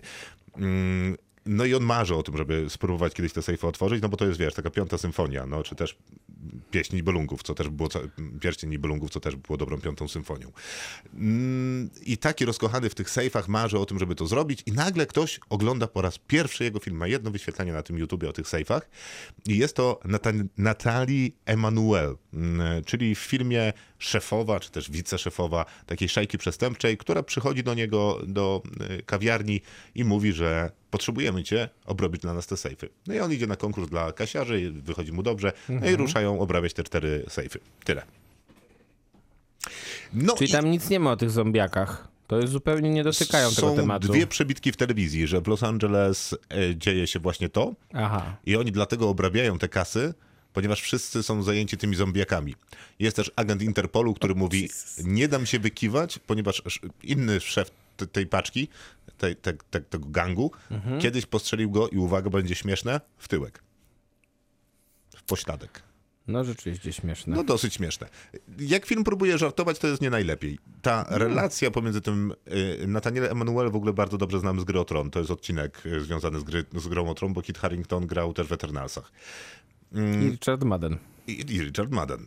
E, Obaj raczej średnio.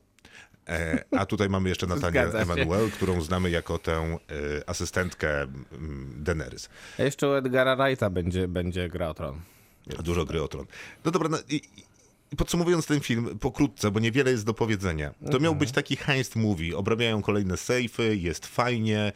Mm, Ta inspiracja tą armią zombie była zupełnie niepotrzebna, no więc traktujmy to jako osobny film. Jako osobny film to też jest zupełnie niepotrzebne, bo nie ma w nim niczego ciekawego ani rewolucyjnego. Obrabiają te kasy tak jak tysiąc razy już ktoś inny obrabiał kasy. No on wisi z tym uchem, gada do tego sejfu, puszcza sobie e, odpowiednią muzykę, wiesz, pieśni Belungów, kiedy otwiera ten sejf, no i kręci tym, sejfy A mają... jak, a jak otwiera Walkirię, to puszcza Walkirię. Tak, oczywiście.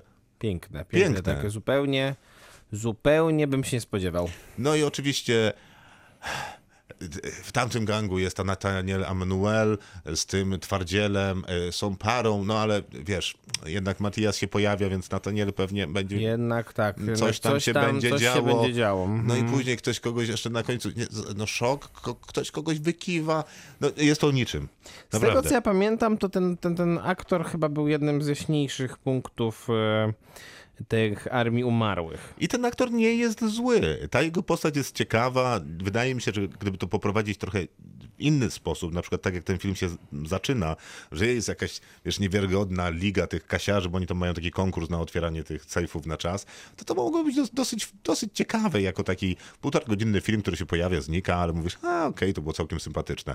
A to jest taki film, który jest zupełnie niepotrzebny. W sensie można go obejrzeć na tym Netflixie, wiesz, w piątek wieczorem, jak nie masz siły i zupełnie nic ci się innego nie chce robić i on nie będzie cię jakoś krzywdził, ale no nic miłego ci nie, nie zrobi. Jakimś od, mikroplusem jest to, że ten film bywa samoświadomy i na przykład nabija się z heist movies, czy nabija się, wiesz, z tego, że ma świadomość bycia filmem, nie? To łamie tą czwartą ścianę, czy tam piątą. E, No i, no i tyle. No takie, no takie nic to jest. Ani to nie jest ładnie zrobione, ani nie jest świetnie zagrane, ani koncept nie jest ciekawy. No po prostu no nic tu, wszystko jest takie o. I jaka to jest ocena? 4 na 10. No i szkoda. Niespecjalnie. Szkoda, że zmarnowałeś czas. A to szkoda. Kinotok. Film. Maciej, to Edgar Wright czy Łukasz Ronduda? Ostatniej nocy w Soho, czyli, Czyli Edgar Edgar Wright, Wright. to jest, to jest film, który miał premierę jeszcze przed, e, przed zaduszkami.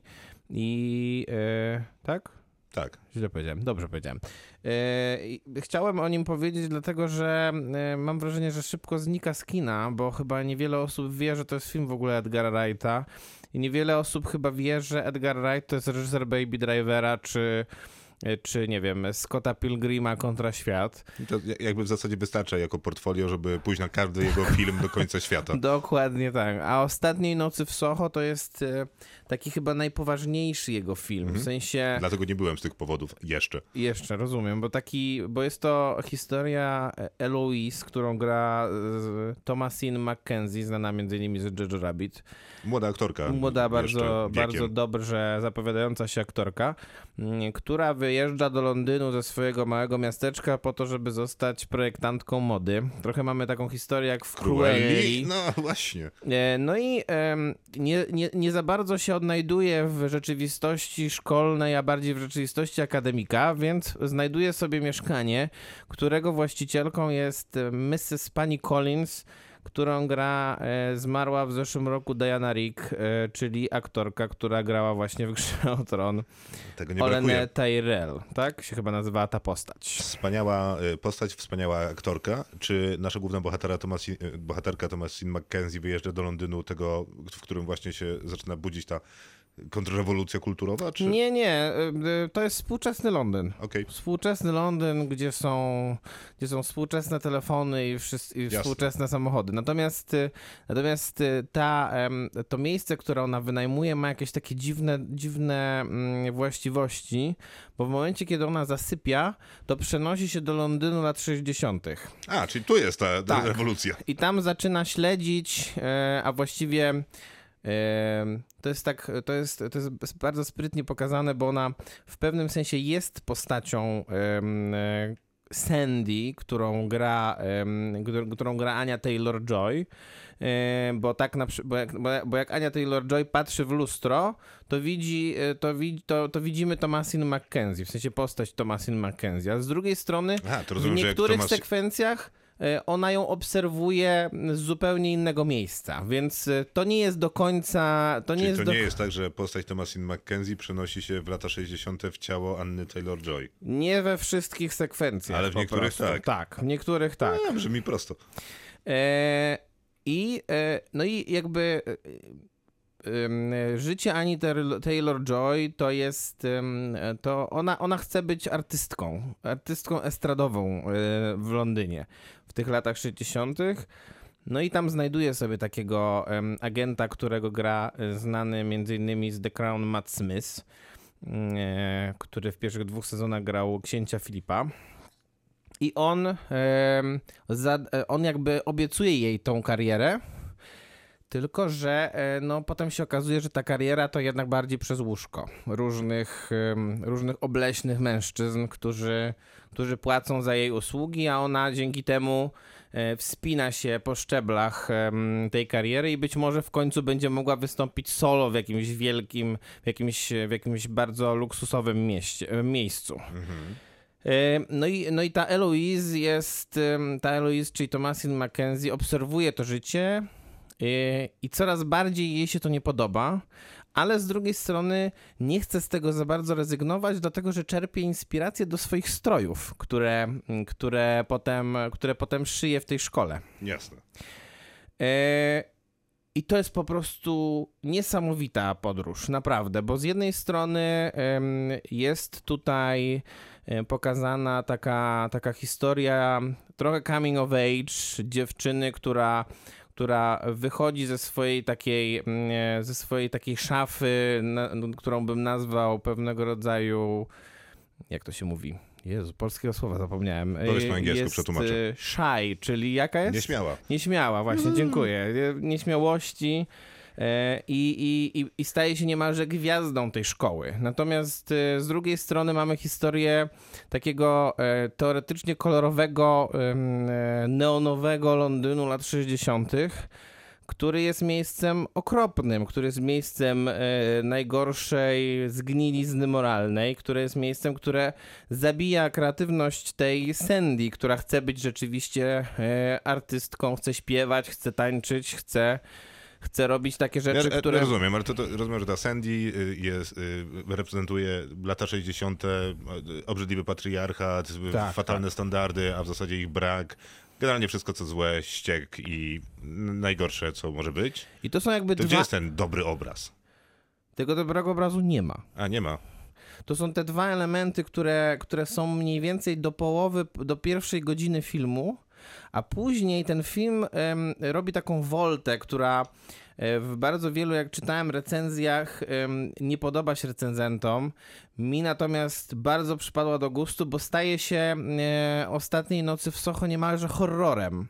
To znaczy, e, Thomasin McKenzie zaczyna widzieć różne rzeczy, zaczyna, e, musi, musi zaczynać uciekać e, przed, przed tymi duchami przeszłości, które, które zaczynają się przenosić do świata współczesnego dla niej. Normalnie powiedział, że to są jakieś strasznie pretensjonalne bzdury, ale skoro robi to Edgar Wright, to może być super. Jest to super efektowne, jest to bardzo kinofilskie, e, trzyma to w napięciu, e, jest to genialnie zagrane. Poza tymi aktorkami jeszcze Terence Stamp, bardzo dobry brytyjski aktor, który gra tutaj drugi plan, więc... E, dla mnie to wszystko się tam zgadza. Ja po prostu patrzyłem z zachwytem na ten ekran i chłonąłem tę atmosferę, chłonąłem właśnie ten Londyn, który A to jest o czymś tak w ogóle? Znaczy, w sensie to jest y, taki emancypacyjny film w tym, w tym, w tym sensie o czymś. No, Do Jaka pewnego jest, stopnia jaka tak. jest jego myśl? Do pewnego stopnia tak i rzeczywiście w finale to też wybrzmiewa, że tak powiem, że użyję tego mojego ulubionego słowa. Naturalnie. Więc to jest mój bardzo mocny kandydat do najlepszego filmu roku O. yy, i wystawiam mu na razie 9 na 10, a może wyżej kiedyś. Kinotok. Film. To teraz czas na recenzję filmu, który pojawił się na Netflixie, na który od jakiegoś czasu czekałem, bo to jedna z takich większych e, Netflixowych zapowiedzi. Nazywa się Zemsta rewolwerowca. E, film, który opowiada westernową historię, tylko tą różnicą od tych wszystkich westernowych historii, które już widzieliśmy, e, jest to, że wszyscy aktorzy wcielający się w postaci te westernowe są Afroamerykanami i no i tyle, bo historia jest prosta. Mm, w sensie, nie, okej, jednak nie tyle. Bo jakby przygotowałem się troszeczkę do tego i naszej proszę. dzisiejszej rozmowy o filmie Zemsta. Rewolwerowca i tak się złożyło, że zajrzałem do internetu w tej sprawie, więc zanim dotarłem do... Nietypowa droga. Prawda? Mhm. Zanim dotarłem do czegokolwiek o tej zemście rewolwerowca, takich wiesz, podstawowych informacji, szukam jakiegoś, nie wiem, jednego wywiadu z Jamesem Samuelem, który jest reżyserem filmu, czy nie wiem, wypowiedzi Idrisa Elby na Twitterze, czegokolwiek. Zanim przebiłem się przez tych wszystkich jęczących internetowych matołów, którzy tam, ale w tamtych czasach czarnoskórzy to nie byli, ale a, a, a, nie mogę tych jęków po prostu słuchać. No jaki masz problem jeden z drugim, no to po prostu tego nie oglądaj, jak ci, nie, ta, tak ci to zmienia rzeczywistość, no dajcie spokój. No nie jest Co prawda. za banda jęczących, och. To tak jak te elfy, które nie Nikt mogą nie być powiedział, czarne. że to jest dokument. To nie jest dokument, to jest film zrobiony dla radości korzystania z gatunku, jakim jest western. I to jest naprawdę super. E, Póki ten film korzysta z tej radości, jaką daje gatunek western, bo wszystkie przejazdy, wiesz, te westernowe na koniach z rozwianym skórzanym płaszczem i kapeluszem, nasuniętym głęboko na oczy. Wszystkie przemarsze, takie wiesz, że sześć osób ławą idzie przez środek miasta, a inne osoby chodzą tam przed salunem ze strzelbą, patrząc z, z, z podbyka na tych, którzy wchodzą do miasta.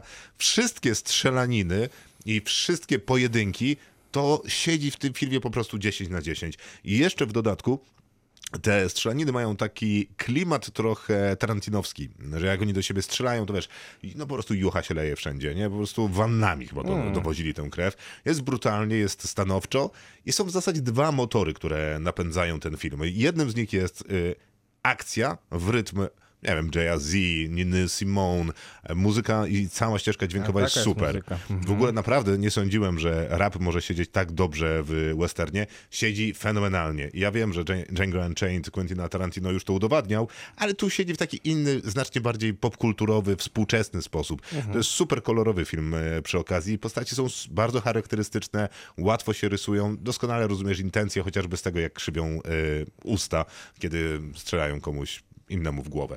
Więc... Jest ten mężczyzna, ten James Samuel, tak się zastanawiam. Ten reżyser, bo to jest jakaś postać e, z grubsza anonimowa. anonimowa tak, dość. tak, Mhm. tajemnica. Ciekawe, że ktoś, ciekawe, że tacy aktorzy postanowili, że jednak zagrają u niego, bo obsada robi rzeczywiście wrażenie. Tak. No i drugi ten silnik to jest e, Jonathan Myers i Zazie Beats, którzy razem e, mieli jakąś przeszłość i tam się kochają i udawajmy, że nas to obchodzi. Jest jakaś tam historia, bo Idris Elba zabija rodziców tego Jonathana Myersa i on się będzie mścił. No więc jest tu zemsty po prostu pod dostatkiem. Więc jak mówiłem, że jednym silnikiem jest napęd w postaci akcji, to to w sumie jest nieprawda. Tym silnikiem jest napęd w postaci zemsty. I on się mści dużo i krwawo i to jest okej. E, Niestety czasami w tym filmie rozmawiają. To jest naprawdę mocno niepotrzebne. Wystarcza mi sama kont- y, konfrontacja Idrysa Elby z Jonathanem Majorsem i, i, i tam i, ekipa, bo oni tam mają swoich rewolwerowców jeden i drugi i fajnie. A Naprawdę. bo oni grają rywali, tak? Tak, tak, tak. No w sensie ten Idris Elba, czyli Rufus Buck e, filmowy, e, zastrzelił rodziców Natalowa. No więc Nat Love zbiera ekipę, żeby wyjaśnić Rufusowi Buckowi, że popełnił swój życiowy błąd i to będzie jego ostatni błąd, bo go po prostu zastrzelił. Warto było nie popełniać tego błędu. Tak, tak, dokładnie, dokładnie. No i tam, wiesz, y, Idris Elba w swoim zespole ma Regina King, czyli Trudy Smith, O, wspaniale. no prawda? A Jonathan Myers ma w swoim Każdy zespole. Zazie Beats. E, I też myślę, że każdy chciałby mieć ją w tak. swoim zespole, bo jest aktorką znakomitą, którą uwielbiam e, za film, e, za drugiego Deadpoola. Są nawet tacy ludzie, którzy doceniają ją za Jokera, czyli za łącznie No, minutę 30 sekund siedzenia na kanapie. A Regina King to też wspaniała aktorka. Wspaniała. No więc to wszystko świetnie wygląda, świetnie się strzela, świetnie jeździ, jest super zabawa. Naprawdę bardzo niepotrzebne są tu y, rozmowy, więc Trochę długie chyba, nie? trochę za długie. No bo gadają naprawdę, tam ględzą o czymś, co naprawdę nie wiem o czym. Nie interesuje mnie to. Ale są, tak jak w westernie, wyraziste postaci, fajne, ciekawe, e, dużo strzelają, dużo jeżdżą, dużo wyglądają cool. Jest dobra muza. Nie, nie wiem, no jest git. No i jaka ocena? No siedem, tak, No i brawo. tak no bardziej bo... może sześć, ale powiedzmy, że naciągane siedem. Ciekawe, bo nie ma, bo nie było żadnej zaplanowanej premiery kinowej i tak myślę, to w sumie ostatnie pytanie, czy, czy warto byłoby to w kinie pokazać? Nie, nie diabła. Nie, Nie, okej. mi, mnie by się nie chciało na to iść. Bo to nie jest jakiś taki film, gdzie zdjęcia są jakieś przepiękne i, i Ładne są trzeba te kadry, bo takie oglądać. kolorowe, wiesz, ale Tak, w każdym westernie. nie, nie, no, nie, no właśnie nie jak w każdym. W tym są po prostu kolorowe. Okej. I ja naprawdę nie chciałbym iść na to do kina. Chciałbym to obejrzeć, nie wiem, z dziewczyną, chłopakiem, bratem, jakąś małą ekipą znajomych. I fajnie, i dobra zabawa. No i obejrzałeś, tak? Więc Tak, tak generalnie gratuluję. Bardzo dziękuję, polecam. Kinotok. Film. To na koniec w sumie powinniśmy być może zaczynać wszystkie nasze strachy. Tak, wszystkie nasze strachy, zwycięzca tegorocznego festiwalu filmowego, filmów, polskich filmów fabularnych w Gdyni. Filmów, filmów. Skomplikowany jest ten skrót. E, Tak, film Łukasza Rondudy i Łukasza Guta i opowiadający historię artysty Daniela Rycharskiego. Bardzo ciekawa to jest postać. Facet, który, który żyje w małej miejscowości w tak zwanej Polsce B. I tam jakby w sposób ost- o, otwarty bardzo przyznaje się do swojego homoseksualizmu. Chodzi w takim dresie, w którym, e, w którym, na którym ma, ma tęczę przy, przy, przyszytą cał- ca- i cały czas chodzi w tym samym dresie, można byłoby powiedzieć. Może ma parę. No i historia, możliwe, że ma parę, żeby, nie musiał prać codziennie tego.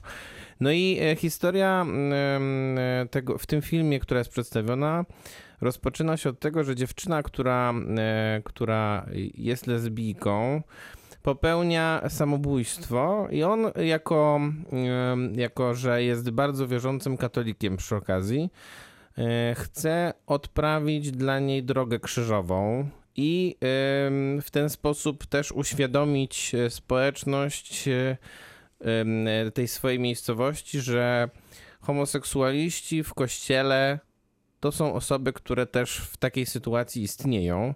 I myślę, że to jest najważniejszy element tego filmu Łukasza Warto też Rondudy. zwrócić uwagę, że on jest artystą, więc ta Tak. droga krzyżowa też nie jest przypadkowa. No ta droga krzyżowa zresztą zaowocowała w końcu taką em, instalacją, która w, tej, która w tej wsi cały czas zresztą istnieje. W tej wsi też są, też, też są jakieś ośrodki dla osób homoseksualnych, które, które, nie wiem, potrzebują wsparcia i tak dalej, i tak dalej. Natomiast Daniel Rycharski y, jest tutaj przedstawiony w, w tej roli Dawid Ogrodnik, w znakomitej zresztą roli. Em, Jest tutaj przedstawiony jako, taki, jako taka postać, która em, ma doprowadzić do takiego trudnego dialogu i zaprowadzić jakiś taki porządek, e, bo e, pomiędzy właśnie e, środowiskiem LGBT a kościołem katolickim w Polsce, bo e, wiadomo, że te dwa środowiska, czy te dwa porządki się, e, się odbijają od siebie, co najmniej. E, no i ja nie wiem, czy ten film w, ostatecznie e, pokazuje to, że że te porządki nie muszą się ze sobą znosić, natomiast y, na pewno jest to ciekawa próba. Być może trochę za bardzo artystyczna, bo Łukasz Ronduda jest takim reżyserem, który już zresztą wspominaliśmy o e, Sercu Miłości, tak? Tak. Film Serce Miłości i ten film być może mają podobne problemy. To znaczy one e, trochę za mocno em, idą w, w wizual, a trochę mniej koncentrują się na samym przekazie, e, który szczególnie tutaj powinien być bardzo istotny. Natomiast e, Natomiast jest w tym filmie kilka po prostu niepowtarzalnych momentów i, i bardzo takich mocnych scen, które, które myślę, że myślę, że definiują jakby ten film i pokazują, że on był wart jednak tych złotych lwów, e, mimo niektórych wad. Ale rozumiem, że co do zasady film opowiada o tym dialogu, Tak. którego arbitrem jest poniekąd y, artysta Daniel Rycharski. Dokładnie, tak. I on dialoguje w zasadzie on kontra ta społeczność, Ta społeczność. tej miejscowości. Ta społeczność Trudny to jest faktycznie dialog? Jest to bardzo trudny dialog, bo, bo on nie spotyka na swojej drodze tak naprawdę poza wyjątkami żadnych, żadnych postaci w tej, w tej społeczności, tej wsi, które chciałyby mu, które chciałyby mu w tym dialogu pomóc. Poza i, i, i to uświadamianie to jest, to jest droga przez mękę. Która, Droga krzyżowa. Droga krzyżowa, którą odbywa ze swoją babcią, którą gra bardzo dobrze Maria Maj oraz z matką tej, tej dziewczyny, którą, e, któ- którą gra Jowita Budnik i chciałbym, się, chciałbym żeby, żeby to właśnie, tak, ta kwestia została wypowiedziana mocno, to znaczy Jowita Budnik ma w tym filmie trzy sceny, a e, naprawdę ciężko o niej zapomnieć. Jest to tak wspaniała aktorka i ma, te sceny w tym filmie, w których ona jest, w których ona występuje, są tak przeszywające i tak poruszające, że, em, że dla niej i dla tych kilku scen tak naprawdę oraz dla Daniela Ogro- Dawida Ogrodnika warto ten film obejrzeć. Wystawiam mu 8 na 10. No, to jednak nie jest. Masz jakieś zastrzeżenia, skoro to jest 8 na 10. Mam zastrzeżenia, bo generalnie ten styl Łukasza Rondudy, e, wychodzący trochę bardziej z muzeum niż z kinematografii, nie zawsze do mnie trafia. Karolina Bruchnicka tam jeszcze gra. To prawda. W mniejszej roli. Mniejszej roli i, i e, ona jest e, siostrą tej bohaterki, która, która, która popełniła samobójstwo. No i to trudna kolejna rola Karoliny. Karolina też grała w, ostatnio u Łukasza Grzegorzka, też w takiej roli nie, nie za bardzo pod siebie, można powiedzieć, więc, więc rzeczywiście rozwija się aktorsko. To prawda. E, To wszystko na dzisiaj. Myślę, że całkiem sporo dzisiaj nagadaliśmy. Sześć Strasznie. e, premier plus długie w robocie o biopikach. E, No, Których było też 66 tysięcy. to prawda, że dużo waszych głosów się pojawiło, za które oczywiście dziękujemy, bo zawsze nas cieszy, że tych głosów jest dużo. Mm, I bardzo nas by cieszyło, bo tak się składa, że za dwa tygodnie będziemy obchodzić nasze drugie urodziny. Więc chcielibyśmy dobić do na jakiejś... które zupełnie nie jestem przygotowany. Aha, ale jeszcze będziesz przygotowany. Wszyscy się pięknie przygotujemy, słuchaczy przygotujemy, będzie wspaniała impreza, to w ogóle proszę się szykować. Przypominam, że na Spotify... Garnitu, ten, smokingi, Dokładnie. fajerwerki. Te rzeczy, te rzeczy. E, I drogie samochody. E, Proszę koniecznie nas y, śledzić na Spotify'u. Tam jest opcja subskrybowania, czy tam obserwowania, czy czegoś tam. Można kliknąć dzwoneczek. Proszę to zrobić, bo chcemy dobić do równej liczby przed drugimi urodzinami, a wy nam w tym możecie pomóc, więc dzięki. Krzysz... I zapraszamy za tydzień. Tak właśnie. Krzysztof Majewski? Maciej Stasierski, dobranoc. Kinotok. Tuż przed wyjściem do kina.